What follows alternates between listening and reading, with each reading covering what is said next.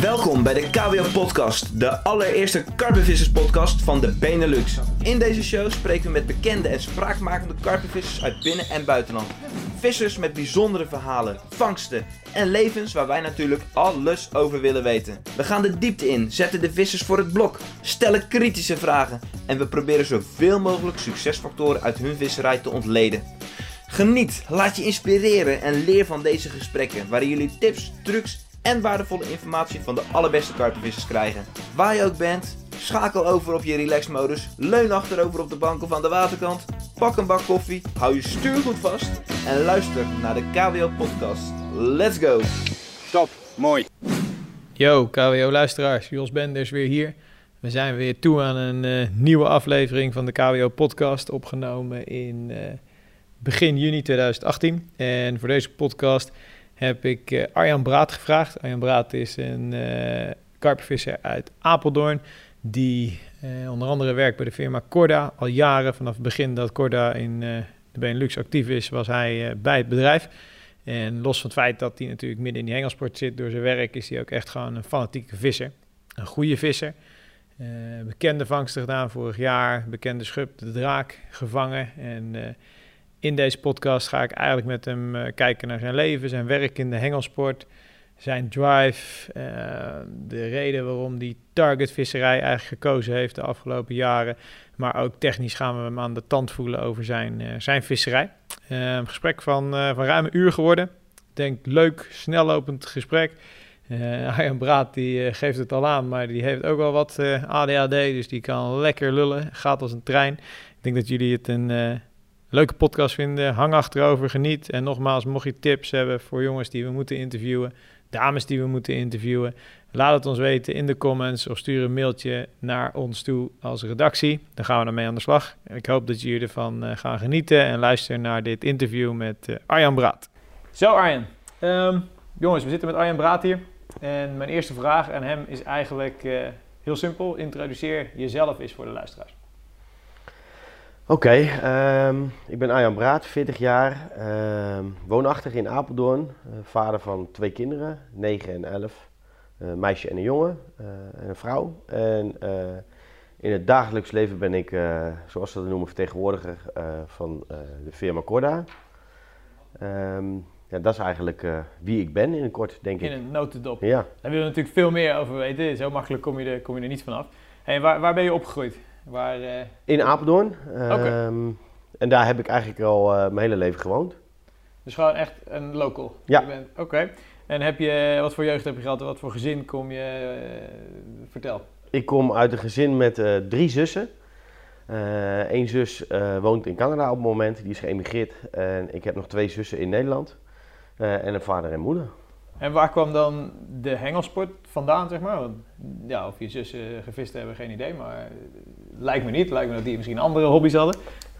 De visserij komt echt uh, bij mijn vader vandaan. Uh, als kind zijnde, ik weet nog heel goed dat ik uh, in bed lag, of eigenlijk ging ik s'avonds naar bed. En mijn vader was een gedreven visser die echt precies wist wat hij wilde. en het was een meer een, laten we zeggen, de, uit de aardappelperiode.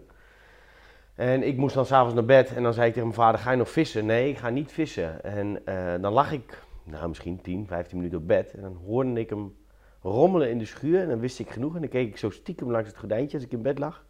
En dan ging meneer vissen. En vanaf dat moment wist ik eigenlijk van, dat is wat ik wil. En uh, daar is het eigenlijk vandaan gekomen. En, en uh, viste hij ook al nachtjes dan toen? Nee, dat was toen, toen was het eigenlijk gewoon in de schemen tot, tot donker. En dan kwam hij in donker thuis. Dat heb, dat heb ik nooit meegemaakt. Maar ik wist dat hij echt specifiek karpenvisser was. Hij had een vriend van hem en zij gingen dan, laten we zeggen, de, de, de vijvers in, de, in Apeldoorn af. Uh, met een aardappel, zoals ik al zei. En een wakertje, zo ging dat vroeger. En dit is, nu hebben we het 40 jaar, dus 1975, 76? Ja, dat is, dat is echt nog voor de boilie-periode. Ja. ja. Oké, okay, wauw. En, en wanneer ging jij mee? Nam hij jou mee op een gegeven moment? Of? Nou ja, de, de visserij zat er eigenlijk altijd al in. Ik begon eerst met voorrondjes uh, vissen en uh, gewoon een dobbeltje. En uh, later was het eigenlijk heel veel snoek. Um, dat heb ik echt heel veel gedaan. Totdat op een gegeven moment ook de periode kwam dat je niet meer met levend aas mocht vissen. En ik vond juist het dansen van die dobber vond ik waanzinnig. Dat, vond ik gewoon, als er een snoek aankwam zag je die dobber gaan. En dat ik dacht van dit vind ik mooi. En toen ben ik eigenlijk heel langzaam aan echt op de karpen specifiek gegaan. Dat is met name in het begin vlok geweest, oppervlaktevissen. En specifiek zeggen van ik wil die of die vis vangen. Ik had be- bepaalde vissen in vijvers waarvan ik dacht van ja, die wil ik hebben. En daar ging ik gewoon echt heel lang achteraan. Eh, totdat ik hem had. En eh, ja, zo is het eigenlijk begonnen. En, en toen was je jaar of? Heb je idee? Acht? Tien? echt al acht dat je sp- specifiek op karpen ging vissen? Ja, Oké, wauw. Dat Oppervlakte. is, eh, ja, ja, maar wel specifiek van joh, die vis Ja. wil ik vangen. En, Ja. en, en even fast forward, want, want een vraag veel verderop is, is, gaat ook over targetvisserij. Maar was je toen dus al zo gericht op bepaalde vissen in een bepaalde vijver die je dan wou vangen? Ja. Wauw. Dat, eh. En dat, en dat is eigenlijk, eigenlijk is dat al begonnen bij het snoeken. Ja. Daar hadden wij eh, bepaalde snoeken die we gewoon wisten. Ik, Ja. kon, ik kon op sommige snoeken kon ik gewoon zeggen van als ik een bepaalde voorhand had en ik legde die eh, in een sloot neer, dan wist ik ik ga die snoek nu haken en die kon ik vangen. Ja. En dat waren echt flinke snoeken. Want die lagen daar en dan wist je, oké, daar ligt 80, daar ligt 90. En, Ja, ja, we wisten het gewoon. Gaaf. En, en die, eh, die drive om dan mee te gaan vissen, je geeft aan, joh, mijn pa rommelde dan in die schuur en, ging daarna op pad. Was dat dan dat geheimzinnige ook wat jou triggerde van, joh, ik, ik wil ook weten wat hij dan doet? Of, kan je nog dat moment herinneren waarom jij dan naar die waterkant ging? Eh, voor mij is het een, een, samenloop van eh, en, en de drang om iets ergens in te slagen, denk ik. Ehm, dat is voor mij, het, ik ben een enorme eh, sporter en competitief ingesteld. En zodra ik een doel heb, ja, is er weinig wat mij tegenhoudt daarin. Ja, dan ga je. Dan ga ik gewoon. Hey, en de periode daarna, je middelbare schoolperiode, wat, wat heb je gedaan? Waar... Ja, dat, dat is eigenlijk voor mij ook een beetje een gat, die middelbare eh, schoolperiode. Ik, ik heb natuurlijk gewoon eh detailhandel heb ik gedaan. Ja. Toen heb ik HAO heb ik gedaan. En eigenlijk in die periode ben ik weer een beetje teruggegaan naar het karpenvissen. Nou, dan praten we over eh, tussen de 15 en de 20 was ik toen. Eh, toen is dat weer langzaamaan teruggekomen en toen gingen we echt dat statische vissen doen met boilies. En dat was echt wel in de beginperiode van de boilie. Ja, maar tussen je, tussen je 12e, 13e, zeg maar, tot je 20ste heeft die visserij eigenlijk een soort van... Beetje stil, ja. Ik denk dat toen, toen eh, veel jongens hebben dat. Vrouwen werden Ja. best wel interessant. Klopt, en het vissen was niet cool. Ik herken me daar ook in dat mijn visserij toen ook helemaal stil lag. En, en weet je nog waar- waarom je dat weer oppakte destijds? Ja, ik weet dat ik dat oppakte omdat ik op de uh, detailonderschool, daar had ik een jongen die ook viste en die woonde aan het Apeldoorns kanaal. Ja. En die was redelijk eh, actief met het pennetje te vissen. En met hem ben ik weer begonnen met karpenvissen. En toen is het ja, weer... Gewoon echt weer opgepakt. Weer en- opgepakt, En ja. En je vertelt eh HAO, eh, help me even, dat is echt voor mijn tijd. Wat, wat was dit? Was detailhandel HBO-opleiding dan? Of- Nee, dat was een middelbare eh, beroepsopleiding, een Oké. middelbare detailhandelschool. En daarna heb ik HAO, economie gestudeerd. Ja. Eén jaartje en toen was al heel snel, voor mij was eigenlijk altijd al duidelijk, ik ben niet van de boeken. Ik ben meer van de praktijk en Ja. het poetsen en gewoon doen. Maar wel die link met detailhandel. Die, Die, was die al wel, die was, Ja. het verkopen was al wel gelegd en ik, ik werkte toen ook nog in de sportwinkel. Ja. Eh, vanuit scho- school ging ik eigenlijk standaard, eh, de opleiding ging ik standaard naar de, naar de winkel en die wilde me heel graag hebben. En eh, ja, daar ben ik toen ingerold. Toen En, en wat was dat dan? Want je vertelt natuurlijk dat verkopen, dat lag me. Eh, is, dat iets vanuit de familie of ben je gewoon dat je zegt, joh, dat heb ik echt mezelf aangeleerd en Dat heb ik echt mezelf aangeleerd. ja, Ja. gewoon het, het, het lullen zeg maar. Het lullen. Dus het versieren ging goed in die tijd, Ja. het verkopen ging goed in die tijd. Ja, het is, het is het vertrouwen in jezelf Ja. in wat je doet. En dat, had ik, eh, dat heb ik toen wel ontwikkeld. Ik moet wel zeggen dat ik tijdens mijn eh, stageperiodes op verschillende bedrijven, dat daar bepaalde schakels zijn geweest van mensen die me echt wel eh, goede sturing gegeven hebben. Ja. En dan ga je daarin eh ontwikkelen. Maar je wist al heel vroeg eigenlijk van, joh, dat ligt me, dat is wat ik leuk Ja. vind. Ja. En daar wil ik ook in, in verder.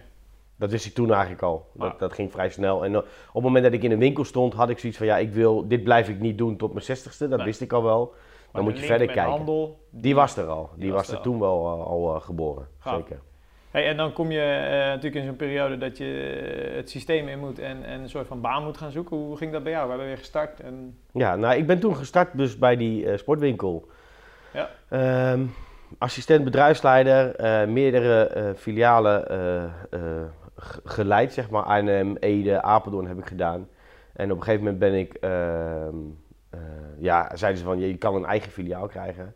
En toen had ik zoiets van, ja, maar dat ga ik niet doen. Dat, dat, dat, dat zag ik gewoon niet zitten. Ja, was dat een franchise? Of Dat was een actiesport eh, franchise eh, ja. keten. Ja. En eh, daar ben ik toen mee gestopt. En toen ben ik gaan zoeken naar buitendienstfunctie. Dat wist ik gewoon, ik, ik moet zoiets doen. Ja, gewoon de weg op. Ja. En, en je klant. Maar toen was ik, dat moet ik niet overdrijven, volgens mij 19 of 20 jaar. Nou, probeer als een 20-jarige maar een baan te vinden als vertegenwoordiger ergens. Dat was vrij lastig, kan ik je vertellen. Het zijn toch vaak de, hoe zeg je dat? Letterlijk en figuurlijk de mannen met wat meer gewicht en eh, Ja. wat meer levenservaring die dan zo'n functie krijgen natuurlijk. Ja. Oké, hoe ging dat? Nou, dat ging, eh, dat ging eh, aanvankelijk best wel lastig om, dat, om er ergens door te komen. En toen ben ik bij een bedrijfje Eyecatchers begonnen in Amstelveen. En dat was echt een bedrijfje van scratch af aan. Ja. Was echt, ik ging met een tas de winkels in. En eh, als het ware met mijn voetje tussen de deur bij winkels en eh, alle spullen laten zien. En hopen dat je iets verkoopt. En eh, toen ik uiteindelijk tien jaar later daar wegging, was het een, een, een goed lopend bedrijf. En wat verkochten jullie dan? Dat je zegt Ja, maar wat, ja, wat, wij- wat wij- was het product? Het, het allereerste wat we, wat we deden was een Beavis and Butthead TV Talker. Ik weet niet of je dat iets Be- zegt. Beavis en Butthead ken ik, Dat maar ken TV je. Talker. Ja, dat was een, dat was een, het begon met een, een ja, Beavis and Butthead poppetjes. Ja. Die stonden in de buurt van je televisie. Nou, de televisie was toen echt nog een kast van heb ik jou daar. En als je dan op de remote control zip, zepte, zeg Ja. maar, eh, qua zender, dan ehm, zeiden zij die karakteristieken van Beavis, Beavis and Butthead teksten. Dat deden ze. Oké, die reageerde op, op het signaal. Ja, op dat signaal. Eh, en daarvoor, eigenlijk voordat dat productje kwam, die kennen we wel allemaal, is die zingende baars. Dat kwam van datzelfde bedrijf. En, en zij, eh, mijn vorige werkgever toen dan, zeg maar, die, die kocht die licenties. En wij mochten het verkopen in eh, Nederland. Oké, maar waar lagen dat soort producten dan? Wat voor winkels? Ja, Expo-achtige winkels. En Expo is volgens mij ook al een keten wat inmiddels al niet meer Ja. bestaat. Maar V&D deden we zaken mee, Bijenkorf, eh dierentuinen, dat soort dingen. Ja. Het ging eigenlijk overal heen. Als je het dan over Beavis and Butthead hebt, ja, dan ging je bijvoorbeeld naar een stripmuseum. Ja, die kon dat soort dingen wel verkopen. Ja. Dus overal, maar dan moest je echt de baan op. Je moest echt zelf zoeken eh, naar afneempunten. Want die Ja. kwamen niet aanwaaien. Dat, En had je dan een bepaalde regio? Of, eh, ik had heel? Nederland, heel Nederland. heel, je bent echt auto ingestapt Ja, en gewoon ja. door het land heen crossen. Karren. Oké, wauw. Ja. Maar is het dan, ik bedoel, in je huidige job gaan we zo over hebben, maar kan ik me heel goed voorstellen dat je veel meer feeling hebt met het product. Had je dan destijds ook feeling met dat product? Of was dat... Ja, Hoe d- was dat? Dat was anders. Eh, en daar moest je ook echt, eh, laten we het zo stellen, daar moest je ook echt, echt verkopen. Omdat, je, omdat ze daar niet op zaten te wachten in eerste Nee, instantie. het was echt keihard overtuigen van, joh, dit, Ja. dit gaat wel dit, verkopen. dit gaat voor jou iets brengen. Dit gaat je iets, ik bied je iets aan en ik heb iets waar je geld aan kunt verdienen. Ja. Dat is in tegenstelling tot waar ik nu inmiddels zit natuurlijk, is dat een heel ander verhaal. En daar is het, eh, Dus dat is eigenlijk wel jouw leerschool geweest. dat is wel mijn, mijn leerschool geweest qua verkoop. Daar heb ik echt heel veel geleerd. En, en deed je dat dan zeg maar, heel klassiek via allerlei interne trainingen en zo? Of was het gewoon van, joh, ik ga de praktijk in, ik kijk hoe klanten reageren, ik test een aantal Ja. Ja, verkoopstrategieën? van- ik was gewoon van het harde, harde werken, wat ik zei. Ik Ja. ben niet van de boeken en we hebben wel, wel opleidingen en dat soort dingen gevolgd. Ja. Maar daar ben ik niet van. En op een gegeven moment zeiden ze ook, ja, we gaan eh, telefonisch doen, want rondjes rijden, dat kost te veel. Ik zei, ja, dat zal allemaal best. Dat weet ik niet. Maar het telefonische, eh, dat heb ik toen ook gezegd, ja, het telefonische is leuk, maar dat is ook makkelijker om nee te zeggen. Ja, veel Ik makkelijker. zeg, ik Ja. weet gewoon één tegen één win ik. Ja. En dat, Ja. dat, dat wees zich uiteindelijk ook wel uit. Zit dat competitief ook in de familie of is dit wel iets wat in jou Ja, is? het zit wel in de familie. Oké, Het is- pa is komt- ook wel echt, het Komt eh, bij mijn vader vandaan, ja, dat weten we inmiddels. Dat weet ja, die, die, die link is gelegd. Heeft je zoontje dat ook? Ja, heel erg. Ja? Heel erg, ja, heel erg. Ik weet nog dat we, hij begon met voetballen. Ja. En dat, eh, dat mijn vrouw op een gegeven moment bij me kwam. En toen zei ze, ja, kijk naar hem. Kijk naar hem, had hij verloren met, de, met het Ja. elftal. En alle andere jongetjes, het was afgefloten. En alle andere jongetjes eh, lachen. En, Ja. en die van mij, die zat te huilen. Die was ontroostbaar. En dan zei mijn vrouw, ga even naar hem toe, troost hem even. Ik zeg, ik troosten? Ik zeg, als ik hem ga troosten, ga ik ook huilen. Ik zeg, ik ben zo competitief. Ik heb dat Je- zelf je wel ook. dezelfde, Ik voel dezelfde passie die hij heeft. Dus dat, dat heeft hij ook. En mijn dochter begint er ook steeds meer eh, neiging aan te Kijk. krijgen inmiddels. Ah, dan weet je in ieder geval dat ze niet van de melkboer zijn. Nee, inderdaad. Dat is, is ook belangrijk. Hey, en ehm, we komen zo meteen op, op, op, op je werk hoor, daar gaan we verder over spreken. Maar er moet ook meer in het leven zijn van Arjan Braat op hobbygebied dan alleen maar eh, het karpenvissen zelf. Eh, wat, wat, wat spook je nog meer uit? Wat voor dingen zeg je van joh, dat houdt me bezig, vind ik leuk. nou, ik ben, ben nu eigenlijk sinds een goed jaar ben ik bezig met kooi. Ik heb een vijver in de tuin gezet en eh, dat houdt me nu een beetje bezig. Maar ik moet zeggen, ik ben eh, van nature zo druk, dus ik ben altijd met van alles en nog wat bezig. Maar het is niet zo dat ik naast de visserij nog veel... Ja, ik doe, doe voetballen. Ja. Daar gaat veel tijd in zitten soms. Eh, eh, voetballen, het gezin zit heel veel Maar tijd speel, in. speel je zelf ook nog in elftal? Of? Ja, dit, dit seizoen heb ik gezegd van ik doe niet, door een blessure doe ik niet meer. Maar ik zit nog steeds in een elftal. En dat Oké. zijn oude, oud spelers van het eerste. Ja. En eh, we doen nu in het vijfde doen we een eh, gezelschapsteam hebben we. En Leuk. eh, dat is gewoon leuk. Ah, dat is één keer in de week trainen en een keer op zondag Ja. spelen of zo. Eén keer in de week trainen en op zaterdag spelen wij. Wij spelen op zaterdag en eh, ehm, eh, dat is nog steeds aan de orde. Ik ben nog Lekker. steeds spelend lid. Ah, kijk. Dus kan nog steeds. Hoeveel wedstrijden heb je dit jaar gevoetbald? Ja, dit jaar negen, ti- tien fantastisch. Nee, ik heb, ik heb denk ik aan het begin van het seizoen heb ik een aantal wedstrijden. Ja. Totdat ik zelfs nog met het derde meespeelde. En dat was een hoofdklasse. En dat kon ik gewoon 90 minuten volhouden. Oké. Ik was zo trots op mezelf. En een week later doe ik met mijn eigen helft mee, Ja. vijfde. En in 10 minuten krijg ik een blessure en het is, eh, seizoen is klaar. En nu nog steeds loop ik daarmee. Oké. En wat ben je, waar sta je in het veld? Eigenlijk overal kan ik staan. Overal. Gewoon, eh, Zet mij, het, het beste is, zet mij op één Ja. tegenstander die geen bal meer mag raken. En dan heb je, ah, oké. heb je een hele goede aan eh, mij. erbij te zien. Ja, ja, ja, inderdaad. Hey, en ehm, ik heb natuurlijk wat voorwerk gedaan. Toen werd me ergens ingefluisterd dat eh Arjen Braat ook regelmatig op Ibiza te vinden was. Klopt. Maar wat, waar ligt die link? Gewoon lekker vakantieland. Dat, Eh, eh, nee, nee ja, ik heb familie op Ibiza wonen. Dus dat is de schakel die wij daar hebben. En Ja. daar gaan we met regelmaat heen. lekker man. Heerlijk. Dat, maar dan niet meer zoals waarschijnlijk tien jaar geleden elke avond. Nee, maar als, als, de vrouw, als de vrouw meegaat, kan Ja. dat wel. Maar als de kinderen meegaat, zit dat er gewoon niet in. Nee, dat kan En dan is het gewoon lekker genieten. Want het is gewoon een waanzinnig mooi eiland, zeg ik Ja. tegen iedereen. En als je die kans hebt, moet je er een keer heen gaan. Ja. Het mooie aan Ibiza vind ik, en dat zul je wel vaker horen. ehm, hele kleine kinderen gaan erheen tot hele oude mensen. Als je het vliegtuig instapt, zie je al dat het eh, Mixed een, mixed eiland is. Het is bizar. Je hebt van die eilanden waar bijvoorbeeld alleen maar Engelsen komen. Ja. Ja, dan, dan heb ik zoiets van, oh, daar heb ik helemaal geen zin in. Maar dit is echt alles door elkaar heen. En dat is gewoon waanzinnig. Je hoort ook vaak dat het beeld dat veel mensen hebben dat alleen maar feest is, dat het helemaal niet zo is. Hè? Dat er heel veel hele mooie baartjes zijn en Ja, hele mooie rustige gebieden. eh. het, het is gewoon een supermooi eiland. Ja. En, eh, je kunt het zo gek maken als je zelf wil, inderdaad. Wij zitten dan in een gebied waar je, waar je daar geen last van hebt. Ja. Maar als wij eh, de drukte willen opzoeken, gaan we naar Ibiza stad en dan Ja. kunnen wij er ook heen. Ja, dus je hebt eigenlijk de rust en de drukte, Ja. strand en, stad. Leuk. Hey, en kooikarpers, dat is natuurlijk iets waar de luisteraars denk ik eh, ook wel wat mee hebben. Eh, je hebt ervoor gekozen om echt gewoon een vijver te plaatsen. Helemaal, Ja. Heb je hem zelf gegraven? Of wat, ja, eh, alles zelf gedaan. Hoeveel kuub wat heb je neergezet? Eh 10.000 liter heb ik staan Ja. nu. En dan hebben we nog plantenfilter van een, een goede 2000 liter. En dan ja, de, de gewone filters allemaal. En dat was echt wel een dingetje van mijn bucketlist waarvan ik gezegd heb ooit van, ik wil, eh, het hebben. Een mooie vijver. Ik wil het, ik wil het, ik wil het. Heb je een En- raam erin laten bouwen? Of, Nee, nee heb ik niet. Ik heb expres heb ik, wat, wat veel doen, is inderdaad een raam erin bouwen, maar dat Ja. wilde ik niet. Omdat ik, ik vind, de, de kooi moet je van bovenaf zien en Ja. niet vanaf de zijkant. Ik vind het soms ook niet altijd even mooi bij elke kooi. Vissen eh, vanaf de zijkant. vanaf Ik de zijkant ik vind, wel wat je bedoelt. vind ik niet altijd even mooi.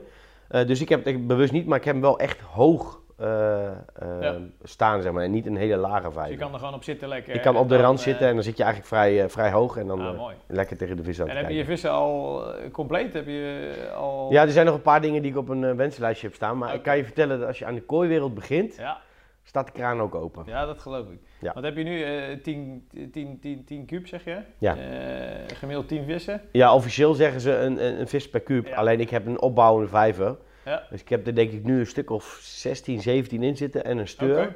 Ja.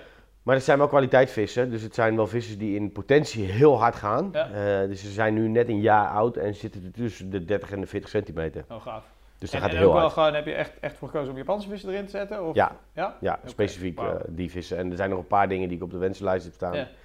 Maar dan zal ik eerst wat visjes moeten verkopen en dan koop ik daar weer eh, Ja. een goede voor. En zonder dat we altijd technisch worden hoor, maar hoe filter je? Heb je gewoon eens meer kamerfilter ervoor zitten? Ja. Of, eh, Ja, ja? ja. Oké, Me- dus meerkamerfilter. Wel zaterdagochtend spoelen en... Ja. Nou, in het voorjaar heb ik er heel veel last van gehad. Het was voor mij voor de eerste keer. Ja. In het voorjaar was het echt een ergernis. En toen- zei ik al tegen een vriend van mij, ik zeg, die hele filterrotzooi gaat eruit. Ik ga trommelkamers en Ja. dat soort toestanden doen. Maar eh, nu is het, eh, Nu is het stabiel. nu is het goed. Gisteravond toevallig mee bezig geweest Ja. en is er bijna geen alg meer. Is de borstel even kloppen en het is klaar. Water verversen. en- Ik, ik heb ook altijd vijver gehad en ik heb wel vaker gekeken naar van die mechanische trommelfilters inderdaad. En het is fantastisch, maar het kost zo ontiegelijk veel geld. Ik had een, het geluk dat ik mijn huis kocht met vijver en beatfilter van de vorige eigenaar. Ja. En beatfilter vond ik ook prettig. Maar ik had weer geen vortex, dus mijn beats raakte heel snel verstopt. Dus ik moest veel te vaak sp- spoelen, zeg Spoelen, maar, ja, omdat hij natuurlijk eh dicht slipte. Maar als ik het, ik, mijn motivatie is ook om ooit nog eens een keer te doen. En dan denk ik van ja, als ik dan financieel het zou kunnen, dan zo'n trommelfilter is wel echt, Ja, trommelfilter. heel erg mooi. Ja, is wel heel erg mooi. Het is wel helemaal af. Maar jij, jij zegt nu ook bijvoorbeeld de beatfilters. Ja. Ik zit met een bewegend filter, een Caldus eh, zit Ja. ik. En ehm, een vriend van mij heeft bijvoorbeeld deze eh, winter eh, problemen gehad met zijn beatfilters. Ja. En als je dan dat stil hebt staan, Ja, dan Kunnen is we het ook, helemaal opnieuw beginnen. klopt. Dan mag je, want het is weer helemaal afgesloten. Dus mag je alles schoonmaken en dan kun je helemaal opnieuw beginnen. Ja. En dat is het nadeel van dat soort dingen. Klopt, kun je alles weer opnieuw opbouwen. Ja. Dat, leuk man. Hey, ehm, family life, je vertelde al twee kids. Ehm, zoontje is volgens mij een fanatiek Feyenoord. Ja. hè? Klopt. Eh, hoe is die link ooit gekomen? Apeldoorn? Wat, ja, wat Ja, nee, de- mijn vrouw is Feyenoord-fan. Ik ben Feyenoord-fan. Ja. En eh, hij is ook gewoon een eh Feyenoord-fan in hart en Ah, nieren. vind dat gewoon mooi. Hij vindt dat gewoon mooi en hij geniet daarvan. Hij is sowieso een enorme voetballiefhebber. Ja? Eh, dus we gaan ook net zo, net zo makkelijk met z'n tweeën bij Ajax zitten. Een vriend van mij eh, die eh, had laatst kaarten geregeld voor bij Ajax. Nou, dan ga ik daar net zo makkelijk heen. Wij zijn gewoon voetballiefhebbers. En, eh, is de, en Feyenoord vindt inderdaad. gewoon eh, een fijne club. Bestaat AGOVV nog? Of? Ja, het bestaat nog, maar alleen Ja? amateurs. Alleen amateurs, ja. Oké, kijk. Ja. Kijk, hey, ehm Corda, dat is even het volgende deel van van het interview. Eh, vertel eens, hoe ben je ooit daar beland? Wat deed je toen? Wat, deed je, wat doe je nu? Eh, Ja. even een stukje die, die historie. Nou ja, het is begonnen. ehm, toevallig hebben we het weekend 12,5-jarig eh, jubileum gehad van de zaak. En eh, dit is uitgebreid te sprake gekomen, want ik ben eigenlijk de, degene die als eerste erbij kwam. Eh, Ja. We hadden toen de tijd eh, Maurice Keulen, de, mijn werkgever, mijn huidige werkgever. Ja. Die is eh 12,5 jaar geleden begonnen met Corde Europe op te starten, samen met een collega Jan Tolen. Dat zijn de twee, zeg maar, ehm, die de binnendienst deden. Ja, En, maar, maar Corda, ik onderbreek je even om het voor luisteraars duidelijk te krijgen. Corda Europe is gewoon een dochter, zeg maar. dochter van, van het Engelse Ja. Corda opleiding van Danny Ja. Ferris. Oké, Danny, Danny had eigenlijk in Engeland besloten Ja. om eh, de eh, spullen vanuit Europa te gaan verdelen. Dat is Ja. dus gewoon eh, Ja, makkelijker, Logistiek. logistiek Ja. makkelijker. En, eh, dus Maurice was daar verantwoordelijk voor, die is begonnen. Ja. En ik las dat in een Engels eh carpet magazine. En Ja. dat was een klein stukje tekst, eh Corda Europe, eh, gaat starten vanaf nu. Ehm, toen ben ik in een hengelsportzaak heb ik het nummer weten te krijgen van Maurice en die heb ik opgebeld. Ja, Maurice die stond perplex, want ik zei, ja, als je iemand nodig... Ik heb gelezen dat je gefeliciteerd met je bedrijf, had ik Ja. gezegd. Ik heb ge- eh, eh, gelezen dat je begonnen bent. Eh, heb je iemand nodig voor de verkoop? Want ik neem aan dat je de spullen wil verkopen. Ja. Ja. toen was hij stil. Hij zei, je bent wel verdomd snel. Ik zeg, hoezo? Hij zegt, ik ben net officieel een week begonnen met Corda Europe. Ja. Hij zegt, maar laten we eh, contact houden. Dus op het moment dat ik zover ben dat ik iemand nodig heb voor de verkoop, dat ik je dan, eh, Ja. eh, ja, dat we dan contact opnemen. En, en dit was in die periode na actiesport? Ja, dat was eigenlijk de, ja, dat was de periode dat ik al op de baan zat. Dat ik al buitendienstfunctie Dus had. dat- toen was je natuurlijk bij Eyecatcher. Eyecatchers in dit Ja. geval. En ik zal je nog sterker vertellen, ik was net bezig om daar weg te gaan. Ik had gedoe met mijn baas. Ja. Ehm, en ik was eigenlijk in een sollicitatieprocedure bezig bij een groot bedrijf. Kersten heet dat nog. En ik weet, het bestaat nog steeds. Het zat hier in Nieuwegein zat dat. Ja. En die hele sollicitatieprocedure had ik doorgewandeld. Ik was helemaal klaar. Eh, contractbesprekingen hadden we gehad. En toen zouden we nog één laatste contractbespreking doen. En, nou, een paar puntjes, drie puntjes wilde ik veranderen. En eh, dat zouden zij aanpassen. Toen hebben ze gezegd, ja, dat gaan we doen. Ik zei, nou, dan ontvang ik die. Eh, ga ik nu naar huis en dan ontvang Ja. ik die via de post. En dan teken ik die. En En dan eh, kan je staan. Ja. Ja. En terwijl ik naar huis rijd, belt Maurice Keulen. Ja. Het is bizar. Dus ik zou Ja. eigenlijk gewoon tekenen voor een Ja, nieuw ja. contract. Maurice zegt, kunnen wij op zeer korte termijn even een keer afspreken? Dus ik heb met hem, met hem langs de snelweg ergens afgesproken. Ik had hem nog nooit gezien. Ja. Ik had hem alleen via de telefoon gesproken. Nou, we hebben een, eh, laten we zeggen, een klikgesprek gehad. En dat klikte gelijk direct. En ehm, ja, toen had ik de keuze uit twee banen. Want ja, eh, hij wilde me hebben. Maar dat andere Dus- bedrijf stond ook. Maar het andere Ja. bedrijf stond ook klaar. En eh, toen was het voor mij heel duidelijk, de keus. Of ik ga voor, eh, laten we zeggen, een carrière in een carrièrebaan waar ik iedere dag vanaf Apeldoorn naar Nieuwegein moet rijden. Ja. Iedere dag files. Ehm, en leuk poen verdienen. Of ik ga een bedrijf, bij een bedrijf werken wat opbouwend is. Eigenlijk hetgeen wat ik daarvoor ook al daar Ja. deed. Want ja, het was gewoon aan het beginnen. Ehm, en ik ga daarvoor. Ja, dat was voor mij, die keuze was heel makkelijk gemaakt. Ehm, Ja. Dus ik moest die andere teleurstellen, die was, die was best boos, kan Not ik vertellen. Ja, die ja, was not- die was not- natuurlijk- maar die had het daarvoor al andere mensen allemaal afgezegd. En Ja. het was best wel zware... Ja, Ja, want hij was rond met jou natuurlijk. hij was helemaal rond. Hij denkt, oh, wat flik je me nou dan? Maar Ja. goed, eh, voor mij was die keuze snel gedaan. En eh, ja, zo is het eh, begonnen. En eigenlijk dat is ook het eerste jaar dat, eh dat Corda kwam met een gratis DVD. Ja, Dus dan hebben we het over... eh, Tien jaar geleden. Eh, elf tien, jaar. Dit is, eh, dit is mijn elfde jaar bij de Ja, firma. dit is jouw elf. Oké. is oké. mijn Dus elfde is jaar. 2006, 7. Zeven, ja. 2007 dat je is daar. Oké. Wauw. En dus vanaf moment 1 daar eh, buitendienst. Ja. Dus ook direct gewoon verkoop van. En toen was het waarschijnlijk alleen nog de Corda-producten, denk ik. Nee, toen, ja, toen was het alleen nog Corda, Delkim. Oké, Delcum, dus de, de verdeling. zat er toen ook al bij? Meteen al door. Ja. Dan moet ik even nadenken. Corda, Delkim, dat was hem volgens mij. ja. Nog geen mainline, nog geen uh, Nee, uh, dat is trekker, later, zijn allemaal eh, later gekomen. Hey, en en eh, voor de luisteraars, jouw baan ehm, is dus eh, toen zo geweest dat je natuurlijk, en nog steeds waarschijnlijk, dat je heel Nederland eh, destijds had als jouw verantwoordelijkheid. Officieel was het toen de Benelux. En de Benelux zelfs. Oké. Ja, daar ben ik begonnen. Eh, het was op papier eh, een kleine 350 klanten bezoeken. Ja, wauw. Hoeveel kilometer reed je per jaar? Ja, toen reed ik veel. Toen, de- ik denk dat ik toen eh, rond de 85 zat per jaar. 85.000 kilometer per jaar. Ja. Dus dat waren... eh, En dat- En dat was ook nog niet een periode. Ik heb nu collega's natuurlijk in Frankrijk, Duitsland, eh, die door de week in een hotel sliepen. Maar dat budget was er toen nog niet. dus je ging gewoon naar huis aan het Ik ging naar huis aan het einde van de dag. En ik ging de volgende dag weer. Dus ik deed, bij wijze van spreken, als ik, ik weet nog dat de Meulenaren in België, dat was een hele verre voor mij. Ja. Die deed ik dan, eh, dan stapte hij om vijf uur in de auto en dan hoopte hij daar om negen uur te zijn. Maar ik weet wel dat ik daar om negen uur aankwam, dat ik eigenlijk al moe was Ja. van de rit. Ja. En dan moet je nog de hele dag werken. Maar ik had dan zo'n rit als de Meulenaren had ik, maar de volgende dag had ik eh, Arnhem. Ja. Half uurtje rijden max. Want dan moet je moet, je moet Je moet In balans houden. Ja, tuurlijk. Dat en helemaal met al die kilometers. Ja. En dat was toen. Zo. Geen hotelovernachtingen, gewoon rijden, rijden, rijden en eh, ja, goed. En gewoon gaan. en gewoon gaan. En hadden jullie toen, eh, was het ook echt dat je die producten nog moest verkopen? Of kwam je wel binnen met een... ja, we hadden wel, we hadden wel, het verhaal was gewoon altijd Ja. goed. Eh, vanuit Engeland de film, er, er is er eigenlijk geen één die zoveel filmpjes deed, toen al niet, als Ja. wat wij deden. Dus die, het, het verkopen was bijna overal wel 100%. Dus Dat, was, eh, goed, zeg maar. mits het seizoen goed was, liep Ja. dat gewoon eigenlijk overal wel goed. Dus het was voor jou anders dan de job daarvoor, dat je Ja. echt moest overtuigen. Dit was veel meer... Nou ja, ik, ik zeg dat wel eens tegen klanten. Kijk, echt acquisitie doen we niet meer, zoals Nee. we dat noemen. Gewoon winkels bezoeken en benaderen zelf. Dat doen we bijna nooit meer. We Ja. worden benaderd. Kom bij ons langs en we hebben jullie spullen nodig. Ik vind ook eerlijk gezegd dat dat een taak is van de ondernemer zelf. Maar goed, eh.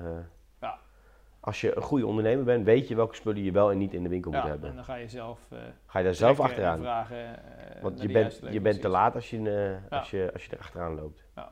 Hey, en op dit moment, wat, wat, wat is nu nog, heb je een bepaalde regio nu? Of Ja, dat is inmiddels al flink teruggetrokken, zeg Ja. maar. Heel officieel een lijntje van Nijmegen naar Rotterdam. Ja.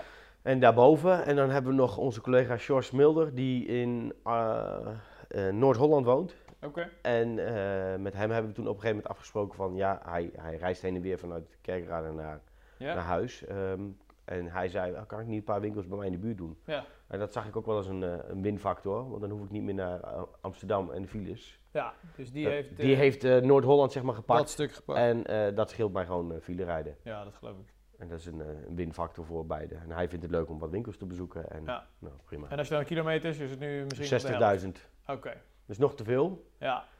Ja. En dat zullen er nog... Ja, aan de andere kant denk ik soms voor de toekomst van... Het zullen er minder worden, maar soms denk ik nee.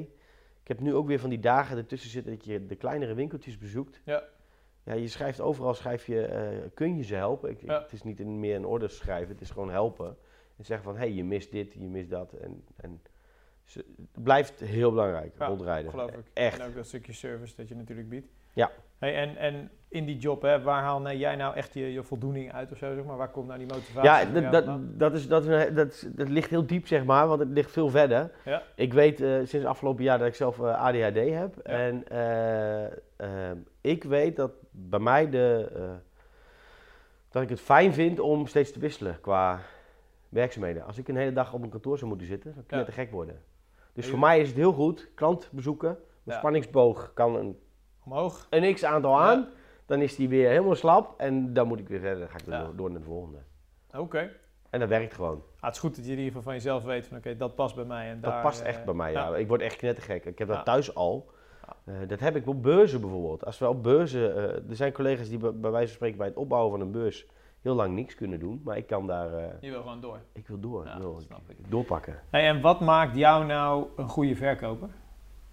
Ja, ik zie mezelf niet als een goede verkoper. Ik zie mezelf als een goede relatiebeheerder. En ik denk dat ik Ah, daar heel dan- sterk in ben. Ja, en waarom is dat dan? Dan, dan, dan herformuleer ik de vraag. Wat omdat ik heel goed kan luisteren en, eh, en invullen. Eh, ik kan ook heel goed, ik ben ook soms, sommige klanten vinden mij soms misschien te eerlijk. Ja. Maar dat is dan het verschil tussen de verkoper die wil verkopen en degene die een relatie wil opbouwen. Oké, daar ben je heel scherp op. Daar ben ik heel scherp op. Ja. Dus ik zeg liever tegen een klant van, nee, moet jij niet doen, past niet bij jouw winkel. Ja. Zal Danny uiteindelijk niet altijd even leuk vinden, Ja, maar ik wil nog twintig jaar in die winkel bij wijze van spreken Ja, kunnen komen. ik kies dan echt voor de lange termijn. Ik kies Dus, echt voor de lange termijn. Je Ik duwt hem ik niet vol met eh, assortiment eh, Nee. die hij eigenlijk niet kan verkopen. Zul je bij ons niet krijgen. En, Ja. en, en ik denk ook dat wij steeds meer die kentering maken. En ook binnen, binnen de firma steeds vaker dat proberen na te streven. Ja. We hebben nu bijvoorbeeld een, eh, een merchandiser hebben we aangenomen. En dat is alleen maar extra service voor die klant. We helpen die klant om, om beter te worden. En die merchandiser krijgt van ons ook de opdracht van... hey, eh, jij hebt haakmaatjes 2 hangen, maar die verkoop je helemaal niet. Dat kan ik zien. Ja. Geef mij die vijf pakjes maar. Ik doe die vijf pakjes omwisselen voor haakmaatje 6. Iets wat wel verkoopt. Dat kost ons Ja. geld. Maar dat levert er uiteindelijk wel weer op. Inderdaad. natuurlijk. Begrijp ik heel goed. Ja. Oké, hey, en, en, en misschien eh, voor jou een gekke vraag hoor, maar luisteraars zullen misschien benieuwd zijn van jou, zo'n Danny Verbus en zo'n eh, Ellie. eh, wat heb jij met hun te maken? Nou ja, we, we, nee, in dagelijkse zin niet meer. En dan moet ik zeggen dat daar ook een heel groot verschil in zat. Ik zeg dat wel eens tegen klanten, ja, dan moet je hem zelf even bellen. Ja, heb je zijn nummer dan, weet je wel? Dat is dan, Ja. dat is dan zo'n ding. Ja, ik zeg, tuurlijk heb ik zijn nummer. Ja. Ehm, tien jaar geleden was het heel anders. En eh, toen hadden we nog, eh, ieder jaar visten we samen. Ja. Ehm, en dat is niet meer. Het bedrijf wordt zo groot. En op een gegeven moment, dan zie je ook de verandering. Ik had bijvoorbeeld, toen de tijd had ik Danny nog wel eens aan de telefoon. Ja. Maar dat gaat nu niet meer. Want dan zou je ook scheve gezichten krijgen binnen een bedrijf. Van, hey, hij wel en ik niet. Dus daar moet je mee oppassen. Dus dat is allemaal weg. Dus in dagelijkse zin hebben we niet meer met elkaar te maken. Maar ja, Tuurlijk, van, vanuit de geschiedenis is Ja, die... eh, is dat er nog wel? Hey, en en eh, een beetje bij de hand te vragen, is zo'n Danny Verbus nog, nog heel erg betrokken bij het bedrijf? Of, of is Ja, dat is het wisselend. Dat wisselt net hoe, hoe, hoe zijn, laten we zeggen, zijn doelstellingen per jaar zijn. Maar hij is zeer zeker eh, heel erg betrokken met de ontwikkeling van nieuwe spullen. Daar is hij heel erg mee betrokken. Ja. Want hij vist natuurlijk enorm veel. Ja. En die input is gewoon erg belangrijk. Die is gewoon wezenlijk belangrijk Ja. voor jullie productontwikkeling. Ja. Oké, en laatste vraag over je job, dan gaan we echt door naar je visserij. Wat denk jij nou dat, dat Corda eigenlijk de afgelopen ja, 20 jaar inmiddels al, denk ik, eh, eh, aan zo'n zo'n zo'n koppositie heeft gezet? Hè? Dat dat echt wel, nou ja, eh, top drie, in ieder geval en tackle eh, producenten ter wereld is. Wat, wat, waar komt dat vandaan, denk je? Passie.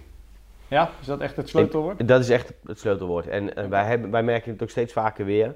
Ja. Dat die passie, die, die zit bij iedereen. Die is bij alle eh, hetzelfde. Eh, ik merk ook van andere firma's dat zij dat soms loslaten. En ik vind Ja. dat wel van groot belang dat de affiniteit met de hengelsport moet er zijn. In welke, welke zin dan ook. Hè? Ja. Begrijp me niet verkeerd, iemand die op zondagmiddag vist is, is wat mij betreft net zo belangrijk als iemand die de hele week, zeven dagen in de week vist. zijn nachtenpak. Daar zit verschil in, maar het is wel affiniteit met hengelsport en weten waarmee je bezig bent. Het is ook wel iets wat bij jullie intern toch een soort van verwacht wordt. Ja, min, ja, verwacht wel. Ik kan je vertellen dat ehm, Danny eh, daar heel streng in kan zijn. In Ja. de zin van, hij vindt het echt niet tof als jij eh, bij wijze van spreken daar helemaal niks mee hebt.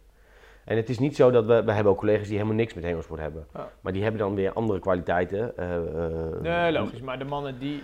Maar de mannen die met- vissen moeten ook zorgen dat je die passie eh, blijft uitdragen. En Ja. dat wij dat ook blijven doen. Hij hamert er bijvoorbeeld voor de verkopers echt wel op. Ieder jaar hebben we weer een trip aan het einde van het jaar met elkaar. En daar gaat hij Ja. ook mee. Afgelopen jaar is het eigenlijk voor het eerst dat we echt volledig zijn gaan filmen. En dat gaan we aankomend jaar weer doen.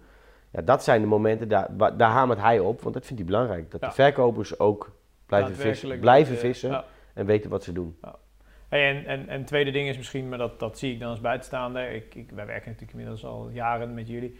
Eh, de strakke organisatie is denk ik ook wel een belangrijke factor in uiteindelijk in ieder geval het behouden van succes of zo. Hè? Ja. Eh, ben ik ook wel met me eens, toch? Hoe het bij jullie intern geregeld Ja. is.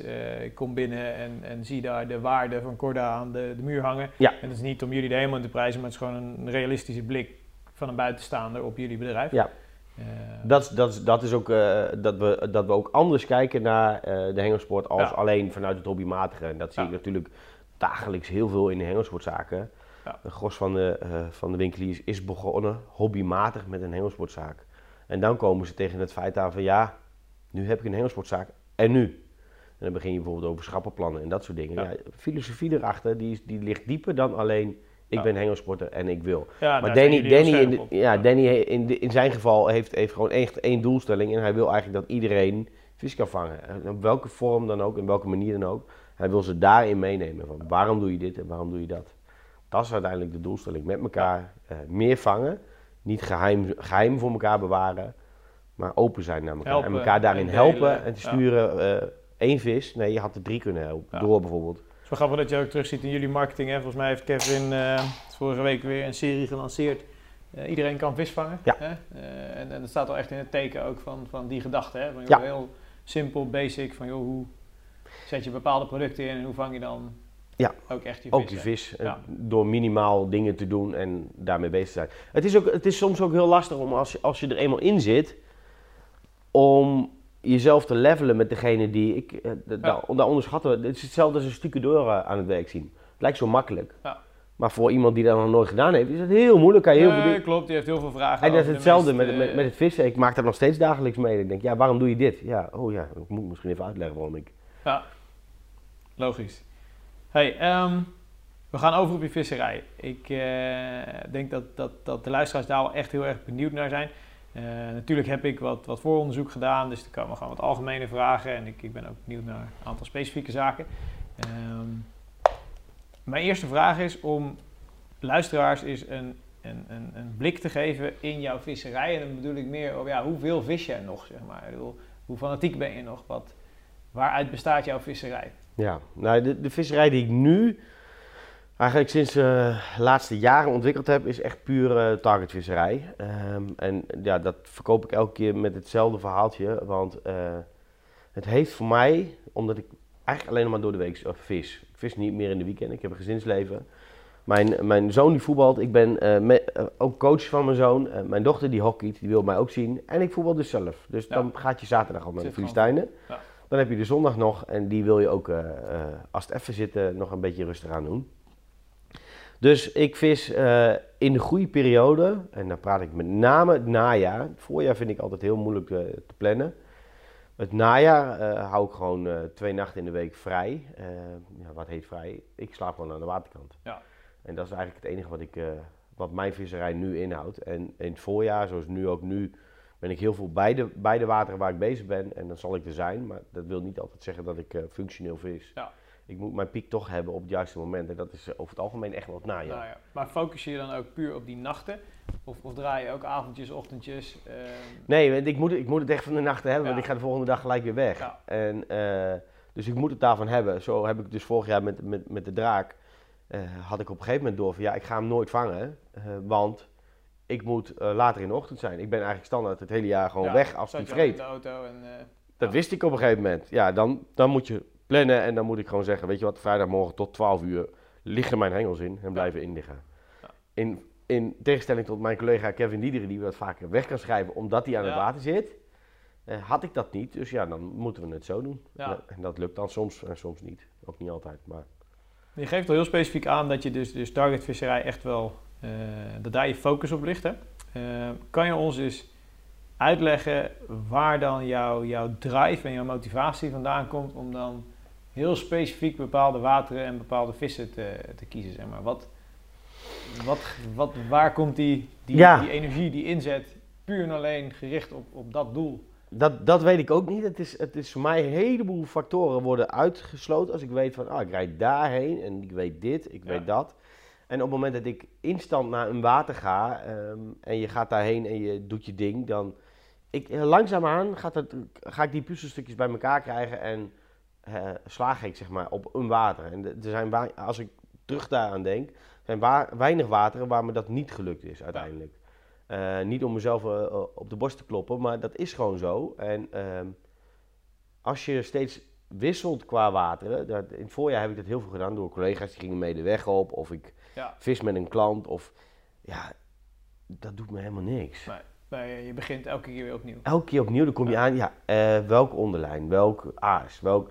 Ja. Veel te veel vragen. En op het moment dat ik het, dat kan uitzetten en ik kan een heleboel dingen weglaten. Als je nu kijkt naar mijn tackle die ik nu meeneem naar de waterkant. Ja, het is te bizar voor woorden, maar het is allemaal precies zo geënt. Ik heb niks extra's mee. Voor de hengelsport is het niet goed. Ik moet een bak kunnen met spullen meenemen. Maar ik heb het niet nodig, want ik weet, ik, ik heb niet, bijna, bijna nog geen extra haakjes mee. Nee. Want ik heb gewoon twee richtjes, twee haakaarsjes, klein beetje voer, that's it. Ja. Meer niet. Gewoon heel mobiel, snel Ja. kunnen vissen.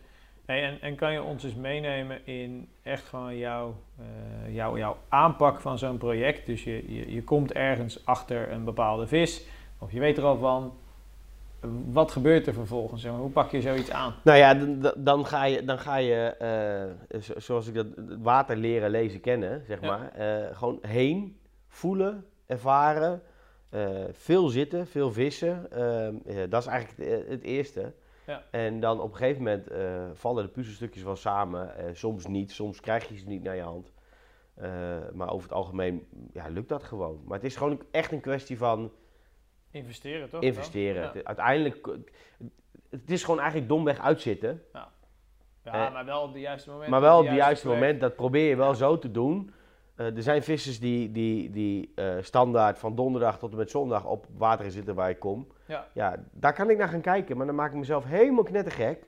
Of iemand die iedere avond daar kan zijn en kan voorvoeren, Ja, maak ik mezelf Hele helemaal gek. dat- Laat ze gaan, ik, ik zie het. Ja.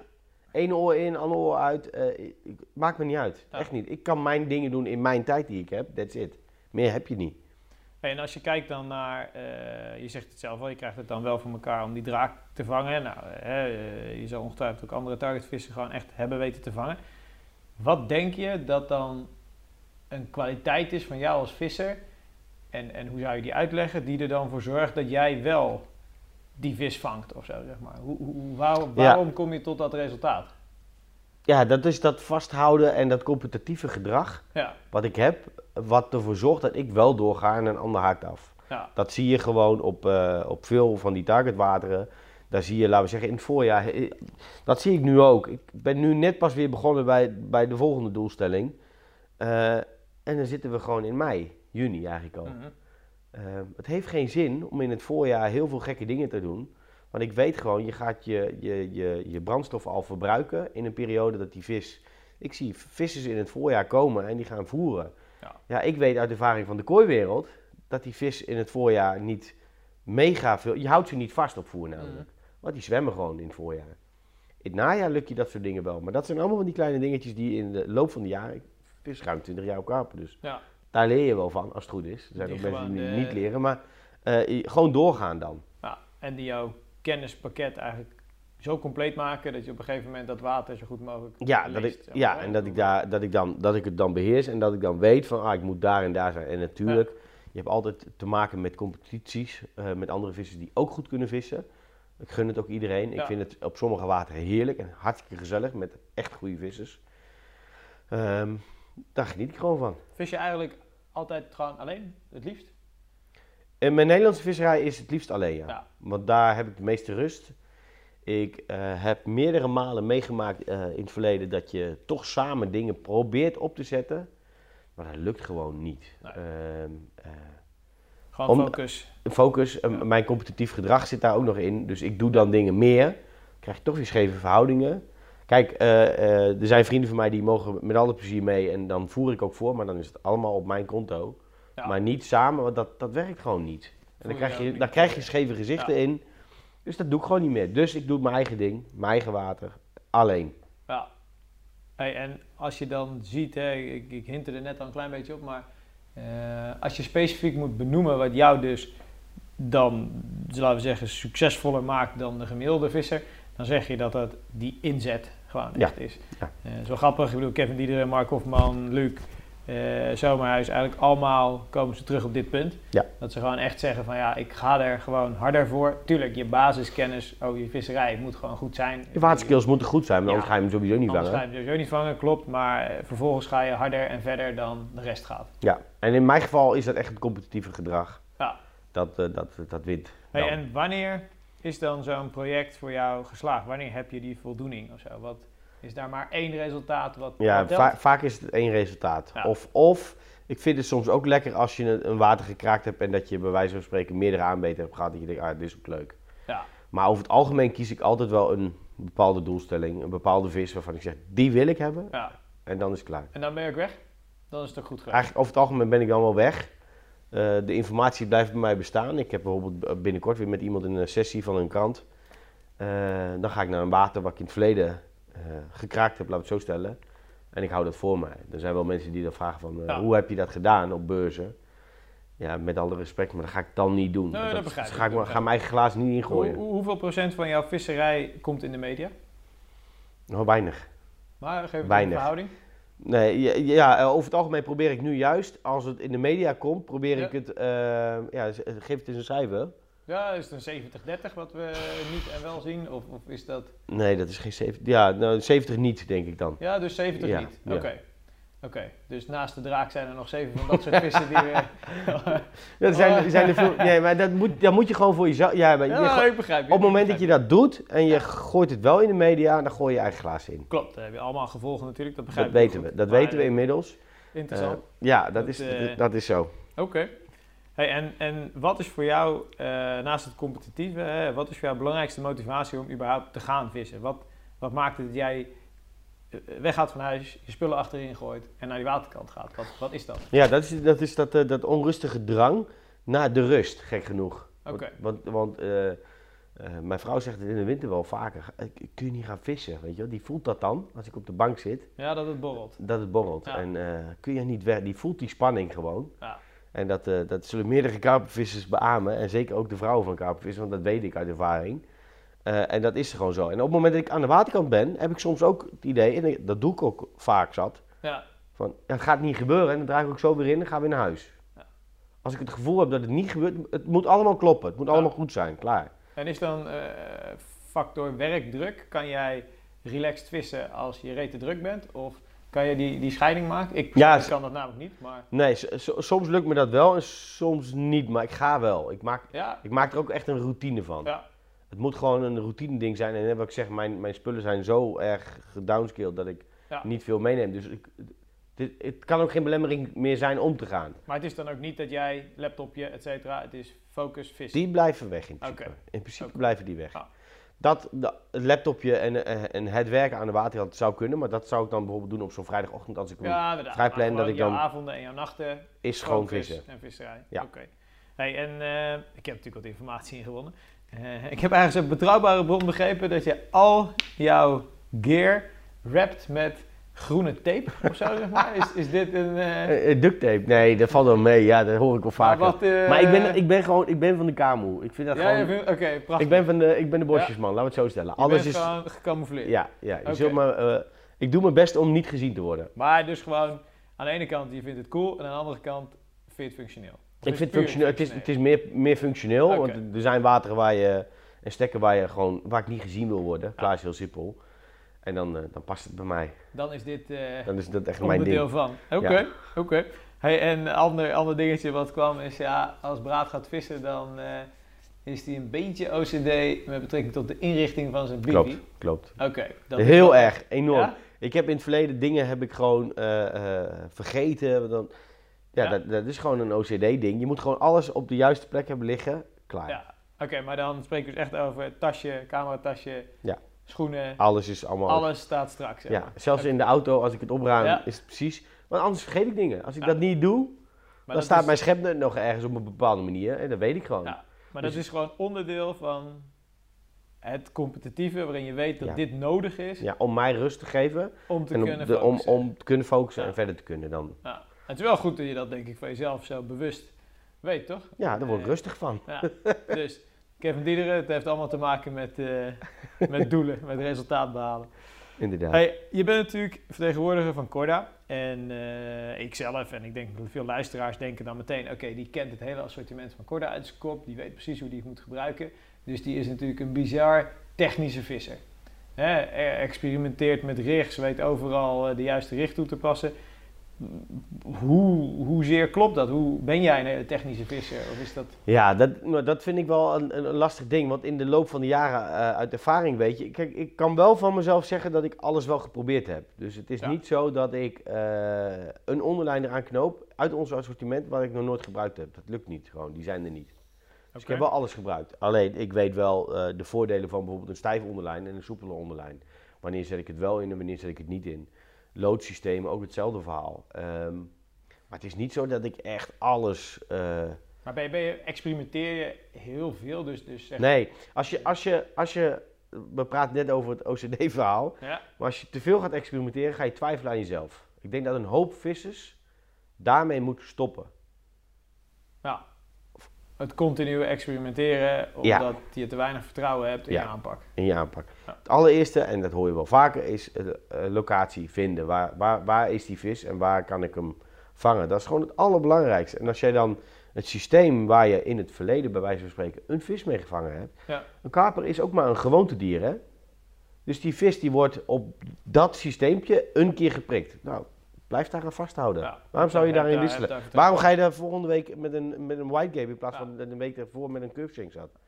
Maar omdat je natuurlijk best wel wat uurtjes maakt, merk je dan aan jezelf dat je wel een bepaalde nieuwe rig, eh, of het nou eh spinnen, ronnies, weet ik veel, shots, zet je, geef je die echt de tijd? Of, of merk je aan jezelf dat je eigenlijk toch vaak wel een bepaald basis... Ja, toch vaak van. Ja. Uiteindelijk val ik toch weer terug op een bepaalde eh, systeem waarvan ik weet, oh, dat, dat, En, en dat heb, heeft je, heb jij voor jezelf je zegt van oké, mijn aanpak is, is, is altijd eh, gewoon een lijn-en-lijnen rig, centimeter of eh 12 tot 20? Nee, dat, dat, dat, wisselt ook wel weer. Kijk, Ja. ik vind gewoon een hele simpele, eh, soepele onderlijn met een white gap haak, die, die pakt eigenlijk altijd genoeg. Ja. Dus dat is, dat is eigenlijk altijd succes.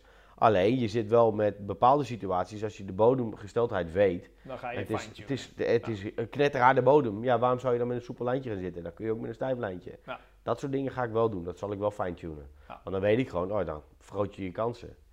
En is, is dan zeg maar een, een, gewoon een normale bodemrig jouw basis? Of zeg je van nee, ik vis eh, 50-50 bodemrig shots? Of, Nee, eh, nee, gewoon een normale bodemrig zal voor Ja. mij basis zijn. Maar daar komt ook weer het verhaal dat ik weet eh, dat die vissen, eh, zeker in, in het voorjaar zou ik lekker met chodies en eh pop-upjes en spinnenrigjes gaan vissen. Maar daar ligt niet jouw focus in. Daar ligt niet mijn focus. Ja. Dat- dan ben ik wel eh, aan het vissen, maar dat is niet mijn... Ja. Najaar is mijn doel. En dan weet ik dus dat als je voer brengt eh, op de juiste plekken, dat die vis op je voer ligt. En Dan ga je daar maar lekker gewoon. Ja. En dan prik ik gewoon lekker met een inlijnloodje bij wijze van spreken. Ja. En, eh, en Dus een je, je bodemaatje. focust eigenlijk veel meer op, op, op periode van het jaar, stek, eh, voorbereiding, dus in dit geval voeren, dan dat je het verschil wil maken met puur en alleen die richt. Die richt Ja, moet ik gewoon goed zijn. Ja, maar daar geloof ik niet in. Die gouden richt, die is er Nee. niet. Die is er gewoon niet. Nee. Klaar, is heel simpel. Er zitten veel meer omstandigheden omheen waarop je... Ja. Oké, duidelijk. Hey, ehm eventjes je prikkelen. Het gerucht gaat toch wel ergens dat je vorig jaar nog een Nederlandse topvis hebt gevangen. Misschien zelfs wel ergens boven een magische grens. Ik hoef er niks van te weten, maar een ja of een nee. Krijg ik dat uit je? Nee, ik Nee. krijg het niet uit Ik krijg het niet uit je. Nee. Oké, daar ga ik, ga ik ook niet op door. Ik denk, ik ga eens even prikkelen.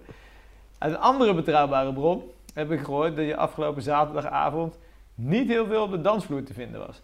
Ben je een rustige jongen of, of zei je van, nou weet je, laat die anderen maar zich voor paal zetten. Ja, ja, ik- ja. Ik zit toch bij de eerste lichting. eh, Ja, ja. Oké. Ik, ben, ik ben dan een hele rustige jongen, inderdaad. Ja. We- weet ik eigenlijk niet. Ik ben, ik heb, ben wel op de dansstoel geweest. De- de- maar de- die geruchtenmaker, kloppen. die, was, die, die was er toen waarschijnlijk Ja, niet meer. ja, oh, dat was hij al weg. Ja, die was al kan, weg. Die, was, die was al weg. Maar ben je wel, zeg maar, als jij met het voetbalelftal eh weggaat een weekend, dan eh, sta je vooraan, zeg maar, in elke eh, club? Of ben Nee, Je... nee, eigenlijk niet. Ja, je bent wel Nee, ik ben wel, ik ben dan, gek genoeg, ben ik dan wel wat rustiger. Ja. En heb ik in de loop van de jaren ge- geleerd dat ik iets meer achteraf, maar ik ben niet het haantje de voorste. Ik ben niet degene die vooraan loopt. Maar goed feestje, dat vind je mooi. Altijd mooi. Voor je altijd, Altijd mooi. Kijk, Gaat meestal niet Eh, goed, dat is het enige nadeel. de grijns op zijn bakken zie je zegt genoeg jongens. Het is jammer dat je niet kan laten zien. Dat, eh, gaaf. Hey, daarnaast, eh, Michiel was natuurlijk diegene die afgelopen zaterdag bij jullie was. Michiel vertelde mij ook dat dus die, die vibe op jullie feest heel erg gaaf was. hè, 12,5 jaar bestaan.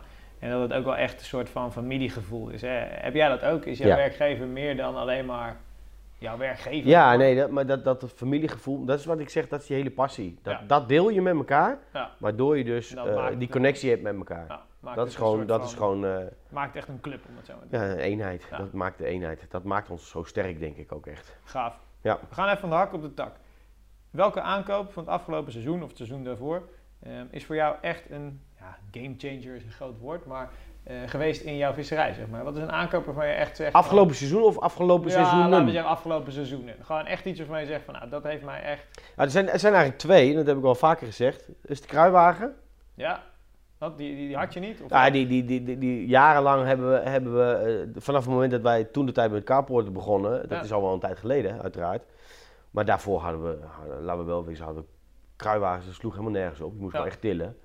Eh eh carporten, of de kruiwagen en de levelite of de, de platte stretcher. Ja, Dat is voor mij wel gewoon een het uitkomst. comfort. Ja, het comfort. Comfort uit zo'n platte. Ja. En ook het gewicht, hè? Ik bedoel, En het eh, gewicht inderdaad, maar dat vind ik dan nog, de kruiwagen doet dan een hoop. Ja. Maar dat heeft er wel voor gezorgd dat ik bijvoorbeeld, vorige week zat ik nog te vissen en toen kwam de controleur bij me. Ja.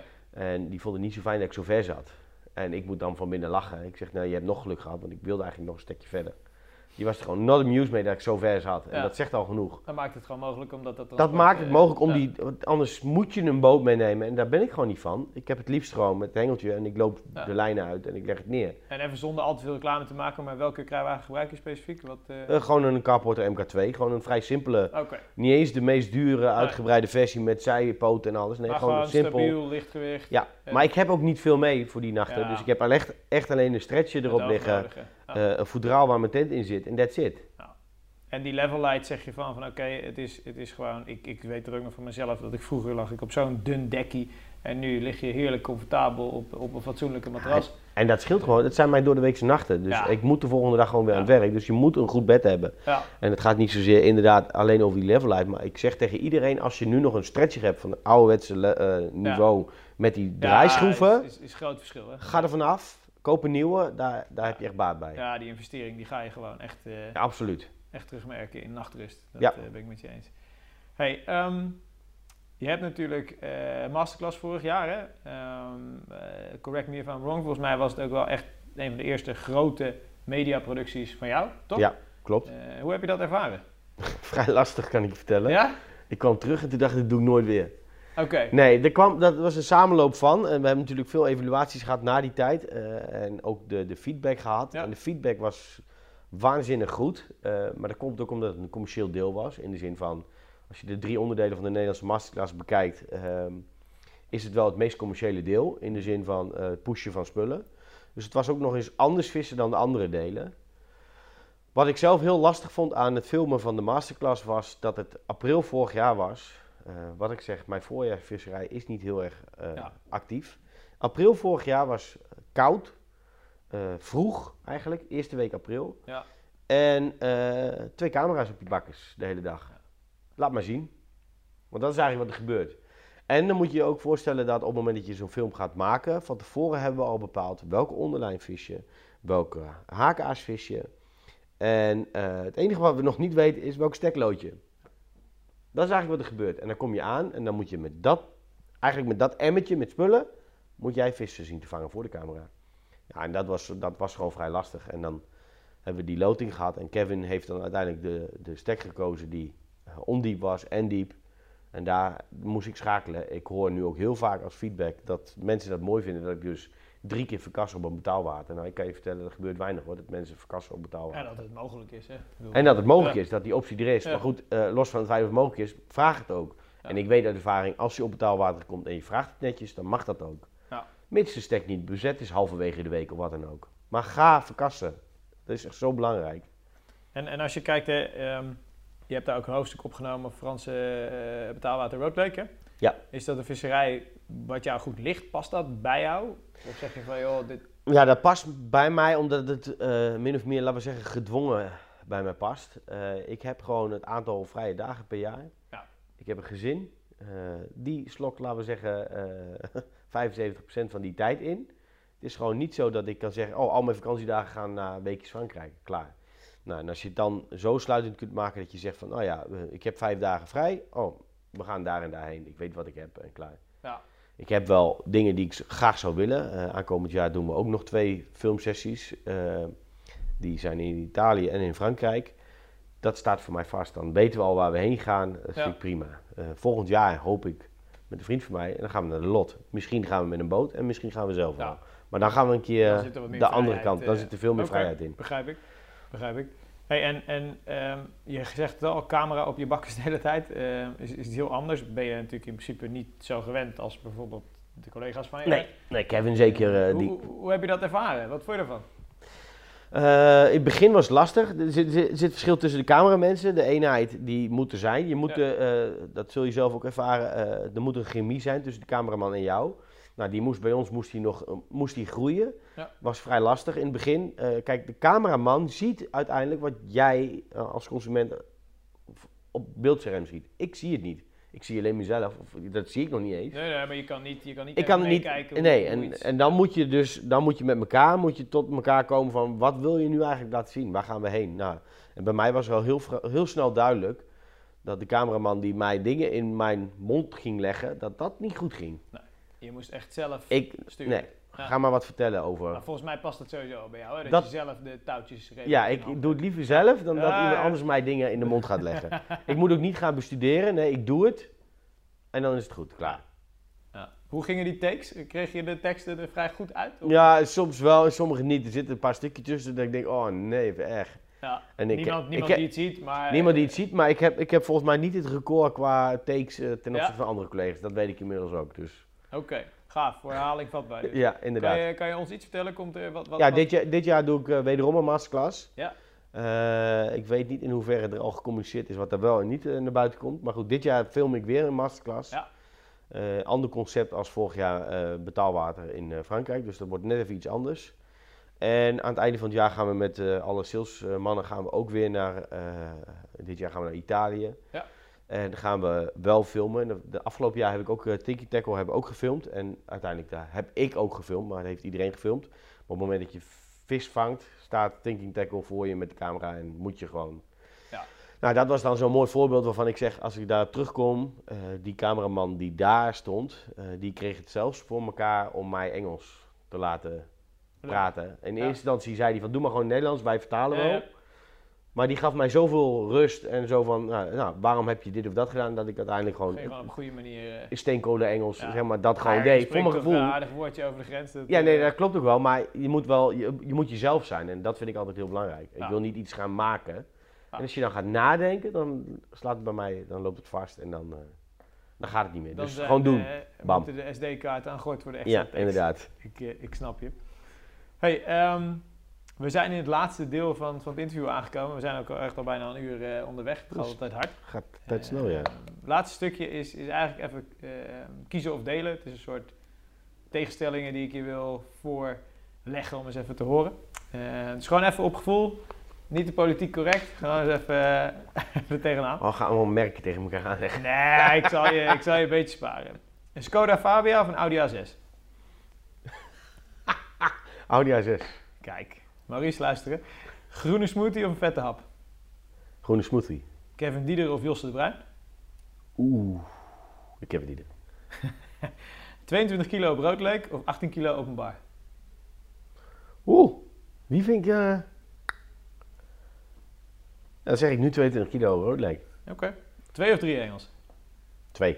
Een marathon lopen of een obstacle run? Marathon. 10 voet of 12 voet? 12. Uitvaren of uitwerpen? Werpen. Shots of bodemrig? Bodem. Blond of brunet? Blond. Nooit meer vissen of nooit meer seks? Nooit meer vis. Sky Radio of Slam FM?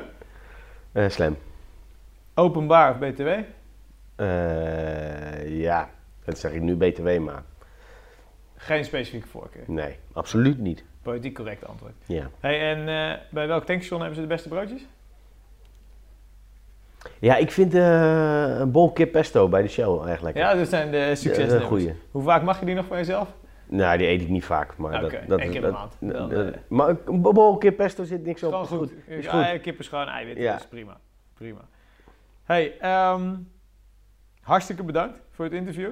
Ehm, heb jij nog dingen waarvan je zegt van joh, dat wil ik meegeven aan luisteraars of Dat, eh, Nou, nee, een nee. bijzondere afsluiter? Nee, nee, ik heb geen bijzondere afsluiter. kijk, nee. Nee, kijk, ja, wat, wat misschien belangrijk is, wat een hoop vissers, eh, wat ik wel meemaak, is kijk niet te veel naar anderen. Doe jezelf en doe, doe, doe wat je zelf eh, vertrouwen geeft. Ik kom ze nog steeds tegen, jongens die hun eigen koers varen. Ja. Wat ik soms ook wel heel lastig vind, eh, is, het, is het afmaken van elkaar op social media. Ja. Daar heb ik steeds meer moeite mee. Ehm, jongens die aan de ene kant super enthousiast zijn en alles pompen. Ja, en als je dan naar de comments kijkt wat daar gebeurt, dat ik denk, jongens, laat iedereen in zijn waarde. Kijk er dan gewoon niet naar, reageer er niet op. Want juist het reageren zorgt ervoor dat er weer... Dat escaleert vaak. Want 9 van de 10 keren, als ze ergens reageren, is het iemand uit de omgeving van het betreffende water. Maakt niet uit waar het is. Eh, en er is weer stront aan de knikker. er En, men, men Ja. maakt het, eh, de hobby niet leuker. Laat iedereen in zijn waarde, laat iedereen Ja. gewoon lekker zijn eigen hobby genieten zoals hij dat wil. Vind Heeft ik. het, heeft het enigszins bekend zijn voor jou in het wereldje jou wel eens problemen opgeleverd? Ja, meerdere malen. Ja? Maar niet dat ik daarvoor mijn ogen dan eh, sluit. Ik ga gewoon door. En, eh, nee, ik, ga, ik, ga niet, ik loop er niet voor weg, laat het zo stellen. Zeer zeker niet. Nee. Dan moet er wel heel wat gebeuren, wil ik weglopen. Kijk. Maar ik vind wel dat, ik hou er wel rekening mee. Als ik weet bijvoorbeeld, het bekend zijn eh, ehm, is, is in sommige gevallen ook een nadeel. ehm, dat je te veel hoort. Ik hoor op heel veel water hoor ik wat er gebeurt. Nou, dat belemmert mij wel in de zin van, oh ik heb gehoord dat daar een bepaalde vis zwemt. Vrienden van mij zitten, zijn er bezig om daar dan ook heen te gaan. Ja. Dus ik ontwijk het af en toe ook wel. Ik wil Ja, juist moet- die drukte moet niet. moet je, eh, Ja, en soms maken. kan ik het wel maken en soms niet. Ja, Ja. dat, dat is dan... Eh, die balans die vind je. Ja. Hey, nogmaals bedankt. Ehm, luisteraars, we zijn over een, eh, een dag of 14 zijn we weer terug met een hopelijk nieuwe interessante gast met een uitgebreid verhaal. Arjen en ik gaan hier eh, afsluiten en eh, tot de volgende keer. Zo, dit was hem. Hopelijk hebben jullie genoten van deze KWO-podcast. Nou, en wil je genieten van nog meer verhalen en avonturen? Bekijk dan een van de honderden updates die inmiddels voor je klaarstaan op de KWO-community. Vanaf 4,95 per maand ben je member en krijgt onbeperkt toegang tot alle vette films, artikelen en video's. Daarnaast scoor je ook nog eens dikke kortingen bij de diverse partners van KWO. Kortom, word member, bekijk alle updates op de website of download de KWO-app in de App Store. Jongens, tot de volgende aflevering.